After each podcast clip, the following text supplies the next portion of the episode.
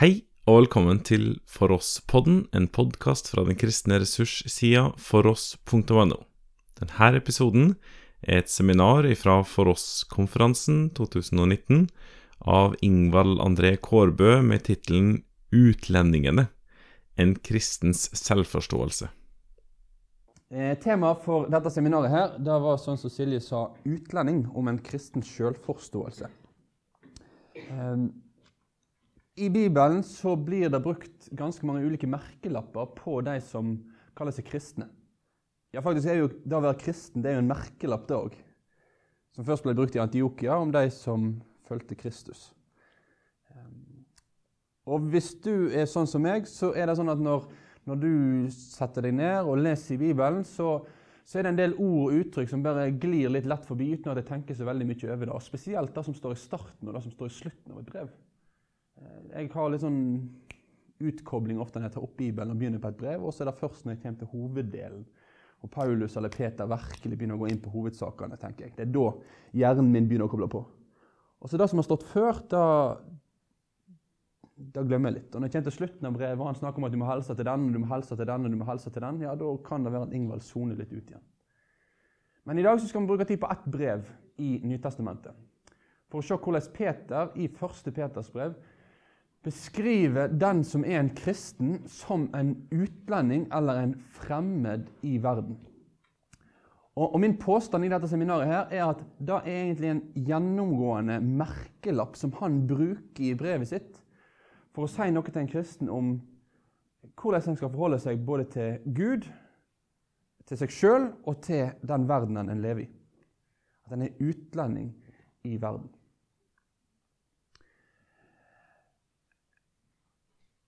Guds folk i verden tenker jeg at har til hver tid i historien hatt to ulike grøfter som en kan ha en tilbøyelighet, tilbøyelighet til eller bevege seg imot.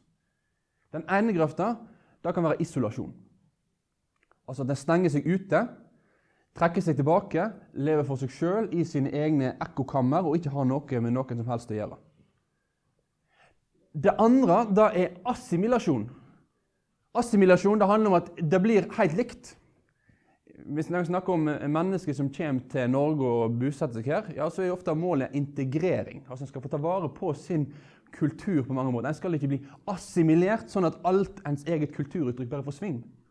Og For en kristen, en, en som tilhører Jesus og har han som sin frelser og herre, så er assimilasjon er en stadig utfordring å leve i verden. Altså at, at, at li, likhetene vokser og ulikhetene forsvinner. At det bare blir liksom en gjeng av den store flokken.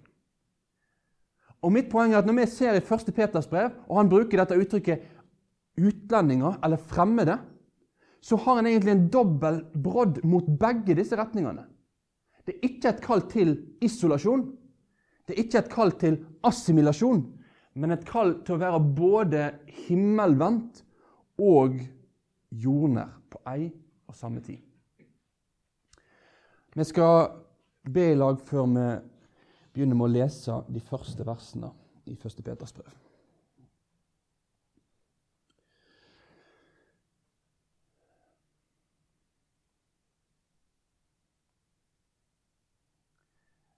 Far, vi vil få takke deg, du som er den levende, sanne Gud fra evighet til evighet. Som vi ved trua på Jesus Kristus kan få påkalle som vår far. Takk at vi får tilhøre deg, og at du i Jesus Kristus har, har gitt oss del i en arv som er uflekka, som er uforgjengelig, som er uvisnelig, og som er gjemt for oss i himmelen.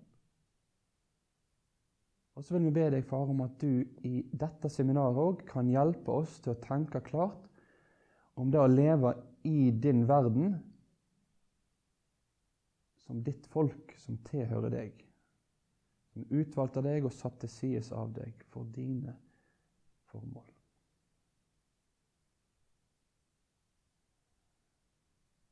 I ditt navn ber vi om det, Jesus. Amen. Hvis det er med Bibelen, så kan du slå opp i 1. Peters brev, kapittel 1. Så skal vi lese vers 1 og utover.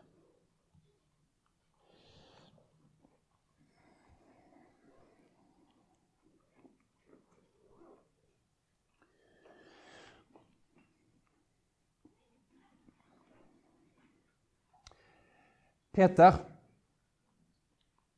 Jesu Kristi apostel, helse de utvalgte, de som lever som framande spredde omkring i Pontos, Galatia, Kappadokia, Asia og Butinia.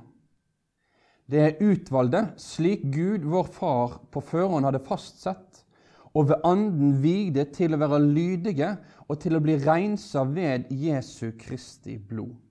Nåde og fred være med dykk i rikt mål. Så skal vi være med det samme nå lese avslutningen av brevet, sånn at vi får hele ramma for brevet. Og Da leser vi i 1. Peters brev kapittel 5 og vers 12 og utover. Med hjelp fra Silvanus, som jeg holdt for en pålitelig bror, sender jeg dette vesle brevet jeg har skrevet, for å sette mot i dykk og vitne om Guds sanne nåde. I den må det bli stående. Søster dykker i Babylon sender si helsing, hun som er utvalgt sammen med dykk. Det samme gjør Markus, sønnen min. Helst hverandre med kjærlighetens kyss. Fred være med dykk, alle som er i Kristus. Ramma av dette brevet her begynner med å beskrive at Peter nå skriver til noen som tror på Jesus. De bor spredt rundt omkring i Asia, eller det som er dagens Tyrkia. Og eh, Han sier at de som bor her, de er da fremmede, eller de er utlendinger. Det kommer litt an på hva bibeloversettelse en bruker på, på denne teksten. her så avslutter han brevet sitt med å skrive at han hilser fra en annen menighet. Han hilser fra en menighet som er i Babylon. Og For meg som leser dette her i dag, så tenker jeg Babylon ja, Da kobler jeg til Gamletestamentet veldig lett. At israelsfolket ble bortført til Babylon. Og de fleste fortolkere mener at når han her sikter til Babylon, så er ikke det byen Babylon som ligger liksom i, i Midtøsten. da. Nei, da er det et kodenavn på Rom. At, at Rom er Babylon. Og Nå bruker han den terminologien om den menigheten som han har et tilsynsfunksjon i, i Roma. Så egentlig så innrammer han dette brevet her med å si at ok, i Roma så er det noen som sitter i eksil, på samme måte som israelsfolket var i eksil i Gamle Testamentet. Og det som bor rundt omkring i Asia, det er faktisk òg i eksil. Det er faktisk fremmede, akkurat som vi i Roma er fremmede. Hva er dette for noe? Noen har tenkt om 1. Peters brev at Peter, pga. at han snakker om menigheten i Babylon, han snakker om de som er spredde rundt i Han bruker faktisk det ordet på gresk, diasporaen. altså Det er jo det som har vært brukt om jødene sin utlendighet. ja, Så må dette brevet kun være retta til, til jøder, jøder som har kommet til tro på Jesus. Men når vi leser i brevet, så er det mange ting som tyder på at nei, dette er skrevet til både jøder og hedninger. Så dette her er skrevet til de som tror på Jesus, om de hadde et tyrkisk opphav, eller om de hadde et jødisk opphav. Om du var født og oppvokst om mor di, bestemor di, oldemor di, alle sammen hadde bodd i Butinia, så var det sånn at hvis du hadde kommet til tro på Jesus, så var du faktisk per definisjon ut ifra Petersbrevet en fremmed, en utlending. Hm. Og for meg, som er en nordmann. Født av nordmenn. Gift meg som er svensk, men så barna mine blir jo litt sånn ja. ja. Men det er, jo, det, er jo, det er, jo, norske aner langt bakover i historien. Det er noe tysk langt baki der, men stort sett sånn, så er det, det er ganske norsk hele veien. Jeg har veldig lett sånn, å tenke på min grunnleggende identitet i at jeg er nordmann. Jeg har passet mitt. Det ligger der på bordet. Jeg, jeg er jo norsk. Det er jeg. Men samtidig så er det sånn at Bibelen løfter opp at det er en dobbel realitet. At jeg er en innbygger i samfunnet, og samtidig så er jeg en fremmed fordi jeg òg er en innbygger i Guds rike. Som vi skal komme til etter hvert, så er ikke poenget til Paulus at da skal en trekke seg unna det samfunnet en lever i. Heller tvert imot. Men det er et grunnleggende aspekt her ved å si at dette her er ikke din heim. Her du er på jord nå, det er ikke din endelige bostad.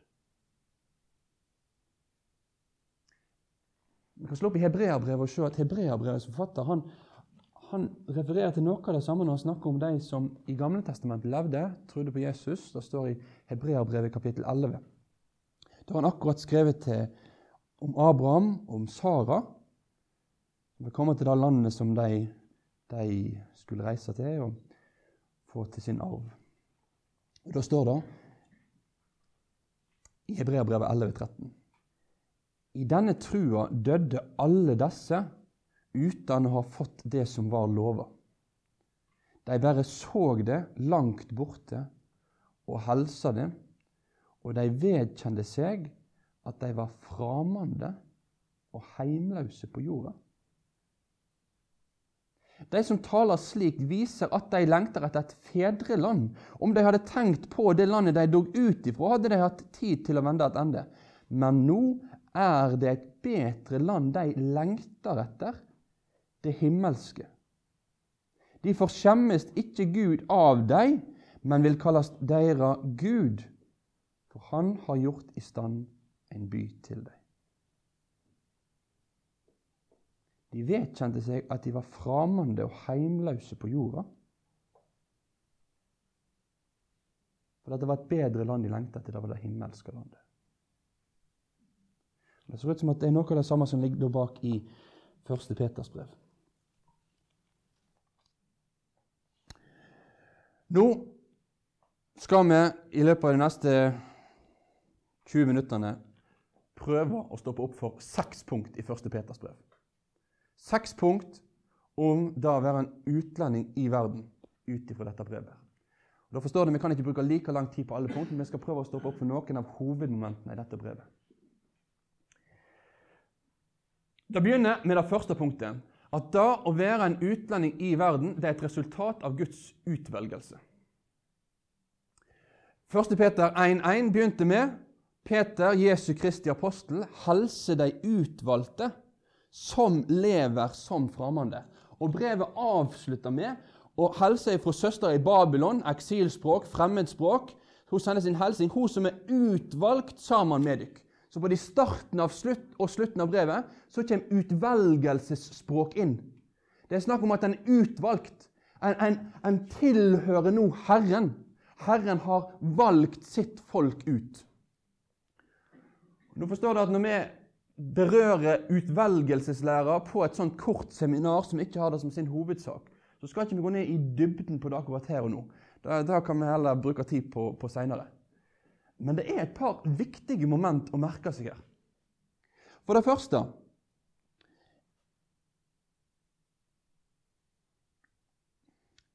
Utvelgelsen Dette er egentlig veldig På en måte veldig basic, men jeg vil si veldig oversett utvelgelse til frelse. Det handler om at den er utvalgt for å tilhøre Gud. Altså, Det er ikke bare en sånn random ting, men det handler om at jeg skal få tilhøre Herren. At Han gir meg til sin. Og så skal vi merke oss at det er en del i de neste versene her som lærer oss noe om hvordan Gud utvelger. Hvordan Gud utvelger til frelse. For det første så står det i vers 2 at det er noe som Gud på forhånd hadde fastsatt. I 88-oversettelsen så blir 'forutviten' brukt som uttrykket. Men poenget er at det er noe som går forut for det. Altså, det, det, det, Gud har Han har ordna det sånn at noen skulle tilhøre Han. Og Så fortsetter de neste versene her med å snakke om at de som er utvalgt, det er de som er ved Ånden har blitt vidd til å være lydige og til å bli rensa ved Jesu Kristi blod. Så utvelgelsen blir virkeliggjort ved Åndens verk. Det er Gud som ved sin ånd gjør dette. her. Og Seinere i kapittelet, i kapittel 1 vers 18 og utover, så står det at de vet at det ikke var med forgjengelige ting, med sølv eller gull, det ble frikjøpte for dette tomme livet de overtok for fedrene. Det var med Kristi dyre blod, blodet av et lam uten feil og lyte. Og Så står det litt seinere. For all menneske er som gras, og all deres prakt som blomen i gresset. Gresset visner og blomen faller av, men Herrens ord varer til evig tid. Nå hoppet jeg forbi det verset jeg egentlig skulle lese, i vers 22. Det er født på nytt, ikke av forgjengelig sæd, men av uforgjengelig. Det er Guds levende ord, som alltid varer ved. Så når Gud skaper liv i et menneskehjerte ved sin ånd, ja, så gjør han det ved sitt ord. Det er sammenhengen at det blir sagt noe om. Vi skal merke oss hvordan Guds utvelgelse, da at han gjør noen til sine, det har vært løfta fram i 1. Peters brev som en trøst til de som tror på Herren.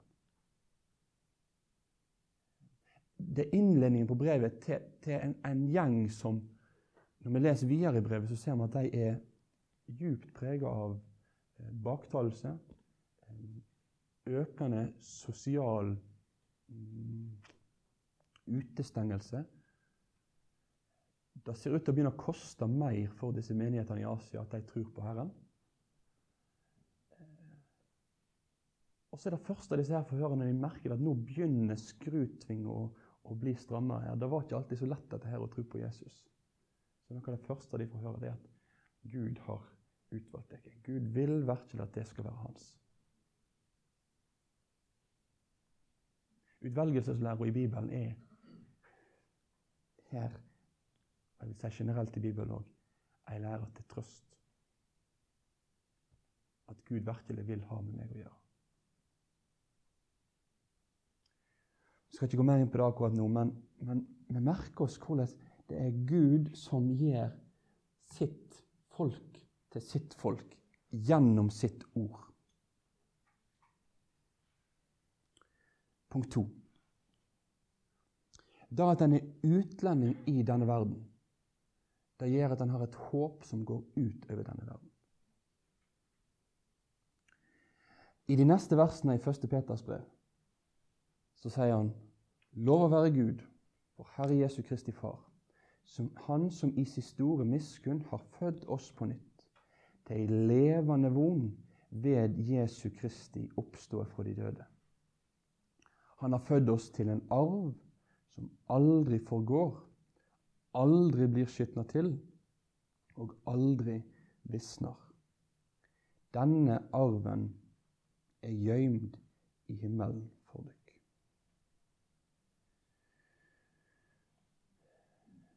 Det er et levende håp Gud ved Jesu Kristi oppstandelse fra de døde gir til oss.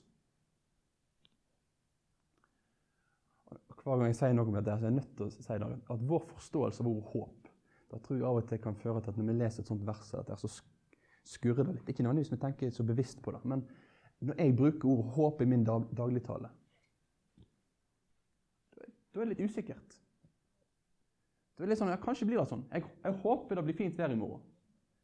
Jeg håper resten av konferansen har vært bra. Jeg håper det blir god middag i dag. Eller kanskje det kan være litt mer sånn eh, begrunna håp. sant? Jeg håper at Liverpool vinner serien i år. Sant? Der regner vi med at skjer noe etter hvert. Det går så bra med dem. Ja. Sånn? Det kan være litt mer begrunna håp, men det er alltid en viss grad av usikkerhet der. Viss grad av tvil. Kanskje det blir sånn, vi håper det blir sånn, vi tror det blir sånn. Men det er ikke sikkert. Hvis sånn og sånn og sånn skjer, så blir det ikke sånn.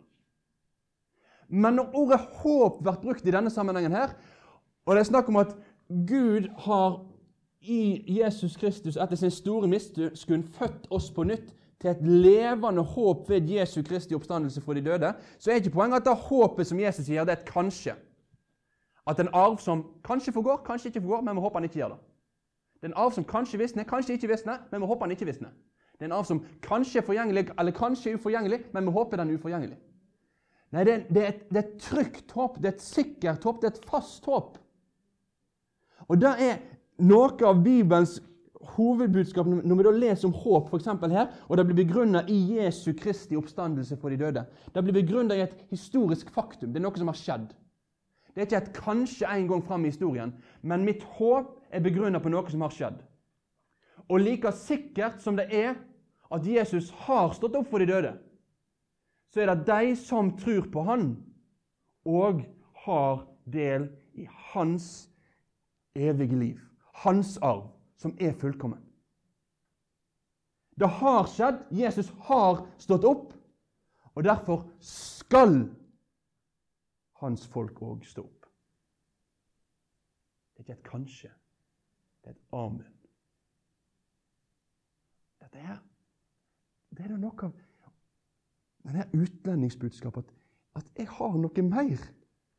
At, at, at, jeg, jeg venter på Jesus. Jeg venter på hans fullkomne arv som han en dag skal, skal få gi sitt folk del i. Jeg har et håp som går ut over denne verden.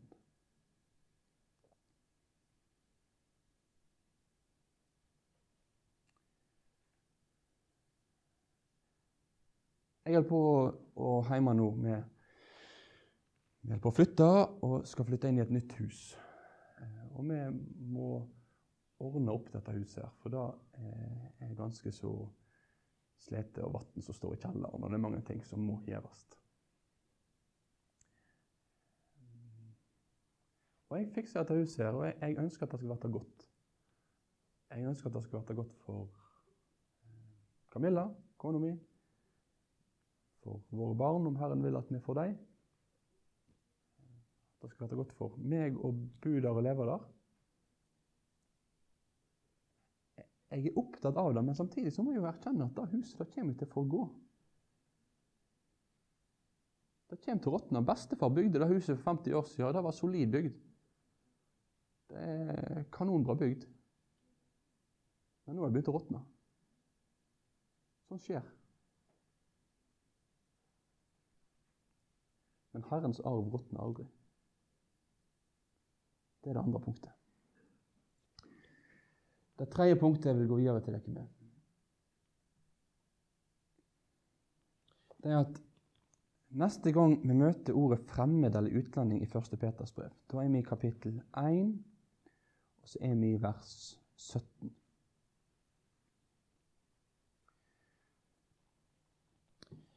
Der står det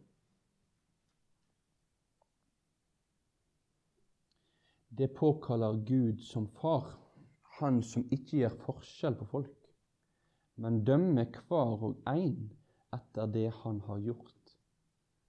Da må det òg leve i Guds frykt, den tid det er her som framande.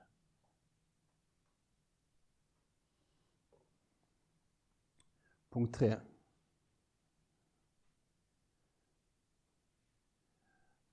At jeg er fremmed i denne verden, handler om at jeg har Gud som far, og at han er en far jeg skal ha en sunn frykt for.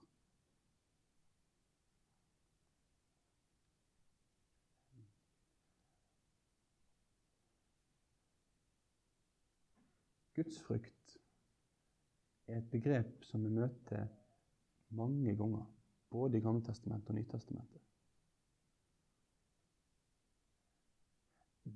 Det er en sentral bibelsk terminologi for hva Gud sier om hvordan vi er kalt til å forholde oss til Gud. Vi er kalt til å frykte Han. Samtidig forteller Paulus i romerbrevet at vi har ikke fått trellekårets ånd som vi skulle frykte Herren. Men vi har fått barnekårets ånd som gjør at vi skulle rope 'Abba, far'. Så Ordet gudsfrykt vi må være oppmerksom på at det å frykte Herren det kan være en sunn gudsfrykt og en sann gudsfrykt, men det kan også være en usunn eller en usann gudsfrykt. Bibelen snakker om en gudsfrykt som Guds barn ikke skal ha. Og så snakker han om en gudsfrykt vi skal ha.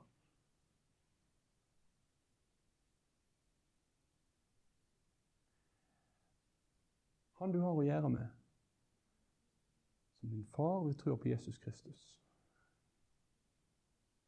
Han er en fullkommen god far. Kjærlig far. Trygg far. Kanskje annerledes en del av det kanskje noen av oss av og til har opplevd i våre egne liv.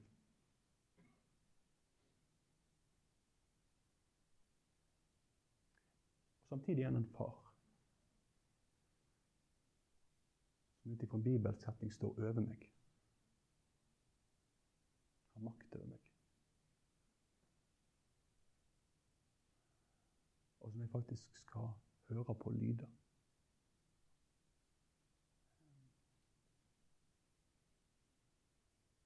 Guds frykt handler om å se hvem jeg er, og se hvem Gud er. At vi er ikke der, liksom. Vi kommer ikke som to kompiser som møter hverandre og gir hverandre en high five. Gud er Gud, og jeg er hans skapning. Fullstendig avhengig av han for alt i hele livet. Ifra den dagen hjertet mitt begynte å slå, og til den dagen det slutta å slå. Fullt og helt avhengig av Herren.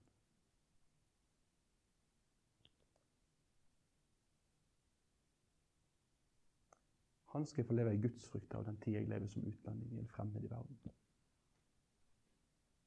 Det var det tredje punktet jeg ville løfte fram. Så det har noe med forholdet til Herren å gjøre. Fjerde punktet. Nå kommer vi til midten av 1. Peters brev. Midten mener jeg ikke midten i antall vers, men jeg mener at 1. Peters brev har en hoveddel fra kapittel 1, til 2.9. Eller 2.10. Og så begynner vi på en ny hoveddel i kapittel 2, vers 11. Så 1.1 til 2.10 er på en måte en slags innledning, en teologisk ramme, som lærer oss framfor alt mye om hvordan Guds folk er det folket som, som får tilhøre Herren, og som alle løftene i Gamle testamentet Eh, nå blir brukt om de som tror på Jesus og i Nytestamentet. Eh, men fra kapittel 2 vers 11 av og utover så går vi inn i en formaningsdel. Nå begynner Paulus å gå mer, nei, Peter å gå mer konkret inn og formane de kristne, de fremmede, med tanke på livene deres og hvordan de er kalt til å leve. Så hvis basisen er satt ok, Den som er kristen, er utvalgt av Herren. enn har fått del i en arv som er uflekka, uforgjengelig, uvisnelig, som er gjemt i himmelen. Eh, en får ha Gud som sin far, og en skal få leve her i Guds frykt. Ja, så blir det neste spørsmål. Ja, men Hvordan er vi da kalt til å leve dette livet? her? Hva er det Gud vil for våre liv? For hvis vi er fremmede, så er den lette slutningen i vårt hode og i vår tanke at dette fremmedspråket da vil føre til en isolasjon. For, det, for det, jeg tror i fall det, det, er en sånn menneskelig reaksjon på det. At når jeg opplever noe som fremmed Noen kan tenke at det fremmede er spennende. Men mange av oss kan tenke at det fremmede, da, da, da skyver vi oss unna. Og Hvis jeg er fremmed overfor verden, ja, så må jeg trekke meg unna, holde meg vekke. Men det motsatte blir egentlig poenget nå i de neste, neste hoveddelen. At han sier at ok, det er fremmed i verden, da skal ha noe å si for hvordan det forholder deg til deg egne lyster, og noe hvordan det har å forholde deg til den verdenen det lever i. Og Da kommer vi til det fjerde punktet. 2,11. Jeg legger dykk på hjertet, mine kjære, det som er framande og utlendinger i verden, at det skal sky lysten i dykkar kjøtt og blod som fører krig mot sjela. Merk igjen, her dukker det opp. Det som er fremmede og utlendinger i verden, hva skal vi gjøre? Jo, det skal sky lystna i dykkar kjøt og blod som fører krig mot sjela.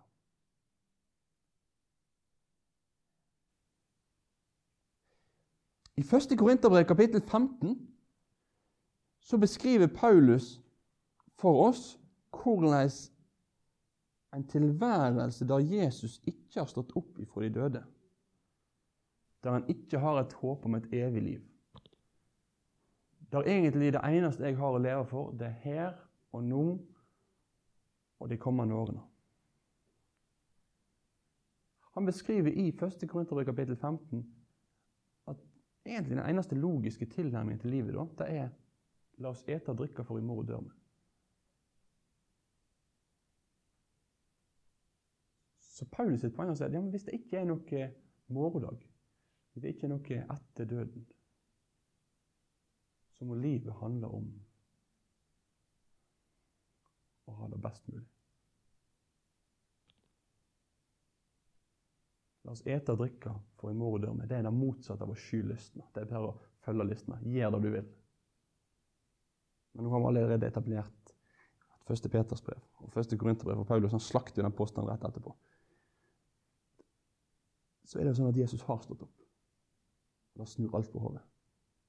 Når Jesus har stått opp, og det er en arv som er evig, som er uforgjengelig, som er uvisnelig, så sier det òg noe om at det, det, det, er noe mer jeg har å leve for enn bare mine lyster. Mine kjødelige lyster. Det er en evighet over livet mitt. Jeg får Herren som jeg skal ha som min far, og som jeg er kalt å frykte. Og da skal jeg høre på Han i stedet for på hva jeg har lyst til. Igjen handler det om at for at jeg tilhører Herren, for at jeg ikke er min egen herre, så er det ikke jeg sjøl som skal styre mitt liv. Men da skal jeg få høre på Han og på Hans vilje.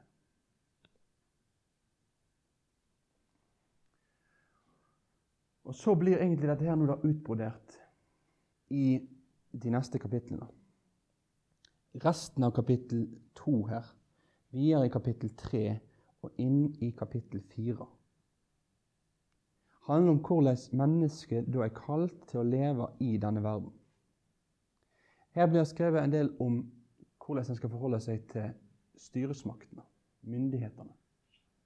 Det blir skrevet til tjenere om hvordan tjenere skal forholde seg til sine herrer. Det vært skrevet til mann og kvinne med tanke på hvordan de skal forholde seg til hverandre i et ekteskap. Og det vært skrevet generelt til mennesker om hvordan en er kalt til å forholde seg til hverandre i et liv.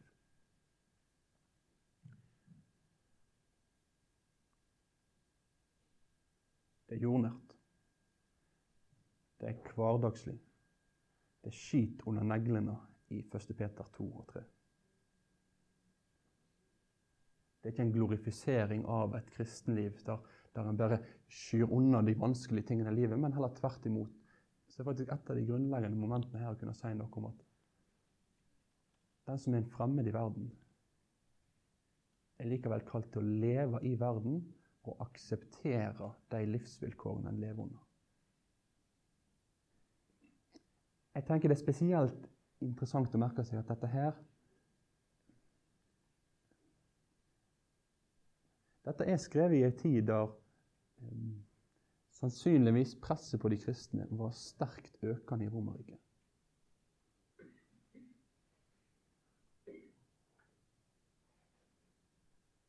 Og Kanskje fristelsen til å opprette et parallellsamfunn kunne være veldig tydelig. At det hadde vært enkelt. Bare trekke sånn og stikke opp i skogen i Tyskland i stedet for å holde på rundt omkring i Romerriket ellers.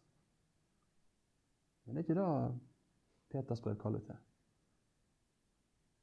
En skal få være der en er. Og der en er, så skal en få gjøre det som er godt overfor ens medmenneske.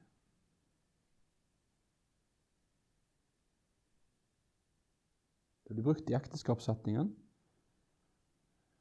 Konkret her så blir det brukt om situasjoner der, der eh, kvinner tror på Jesus, og de, deres menn har ikke kommet til å tro på Jesus ennå. Skal de fortsette å gjøre det gode i håp om at mannen òg kan bli vunnet ved det vitnesbyrdet til kona. Første Peters brev er ikke et karrierejagende brev. Men et brev om at der du er, der skal du fortjene. Så åpner det muligheter, så skal du få gå andre veier. Men der du er, der skal du fortjene Herren. I de relasjonene der du står. I ditt arbeidsliv, i din lokale kommune, i ditt ekteskap hvis du er det, eller utenfor ditt ekteskap hvis ikke du er i ekteskap. Så da var det fjerde punktet. Og Nå ser jeg at jeg går tom for tid, så nå må vi ta to minutter på de to siste punktene. Punkt fem.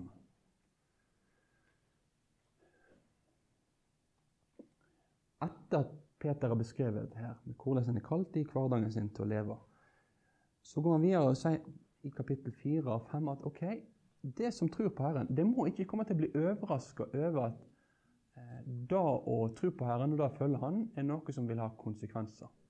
Konsekvenser på den måten at folk kommer til å tenke at det er idioter. For det at Folk tenkte det samme om Jesus, sa det samme til Jesus. Orienterer Jesus når en er hans, ja, så er det òg nærliggende at det handlingssettet som ble brukt overfor Jesus, det er jo noe som kristne kommer til å oppleve. Så At jeg er utlending i verden, det, det fører òg til at faktisk så, så må jeg regne med at folk kan tenke at jeg er merkelig. Ikke pga. at jeg har sånne sære, spesielle skikker, at jeg liksom skal være sær bare for å være sær. At det er liksom om å gjøre en sånn særhetskonkurranse i kristenheten. At vi må, vi må, legge til rette for at vi kan være mest mulig spesielle. Absolutt ikke det. Det handler om at hvis jeg har en annen herre, og jeg på arbeidet ikke vil jobbe svart mens resten av kollegaene mine gjør det Selv om jeg kunne fått mer penger, så kan du tenke hva for en type er det der? Men jeg er kalt til å høre på Herren. Og ikke på denne verdens herre. Siste punkt. Og det blir helt kort til avslutningen av brevet. Brevet avslutter med å si at søstre i Babylon helste menighetene her i Tyrkia, de som er utmalt sammen med henne.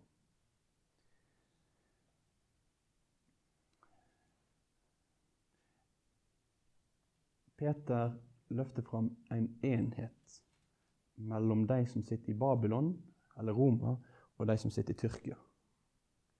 Det som var felles for dem, var at de var utlendinger på hver sine plasser. Men de var en del av det samme folket. Så de hørte i lag. De var ett folk. Og Her har det da radikalt banebrytende i Bibelen at, at Gud i Jesus Kristus vil samle seg ett folk av jøder, av hedninger, fra alle folkeslag og tungemål.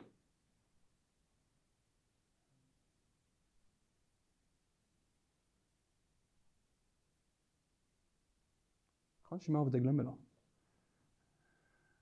Glemmer at Guds kirke er ei kirke.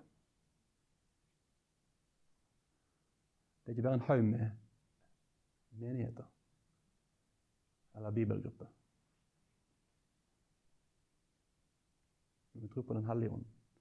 Ei heilag allmenn kirke. Sånn er det. Det var noen tanker fra 1. Peters brev. For meg så har de siste månedene jeg har tenkt en del på dette, her, det har vært til veldig berikelse å, lese et brev for å være oppmerksom på hva lærer dette meg om en konkret sak. Mitt tips til deg òg er når du leser f.eks. et brev i Nytestamentet, Efeserbrevet eller Romerbrevet, eller hva det skal være, hopp ikke bare forbi starten og slutten og så kommer du rett inn til midten. Men, men få med deg starten, for veldig ofte så kan det være sånn at da baner en retning for oss til hvordan vi skal forstå resten. Sånn tror jeg i alle fall det er i 1. Peters brev. Du har nå hørt et seminar ifra For oss-konferansen 2019 av Ingvald André Kårbø. Finn flere ressurser, og vær gjerne med å støtte oss på foross.no.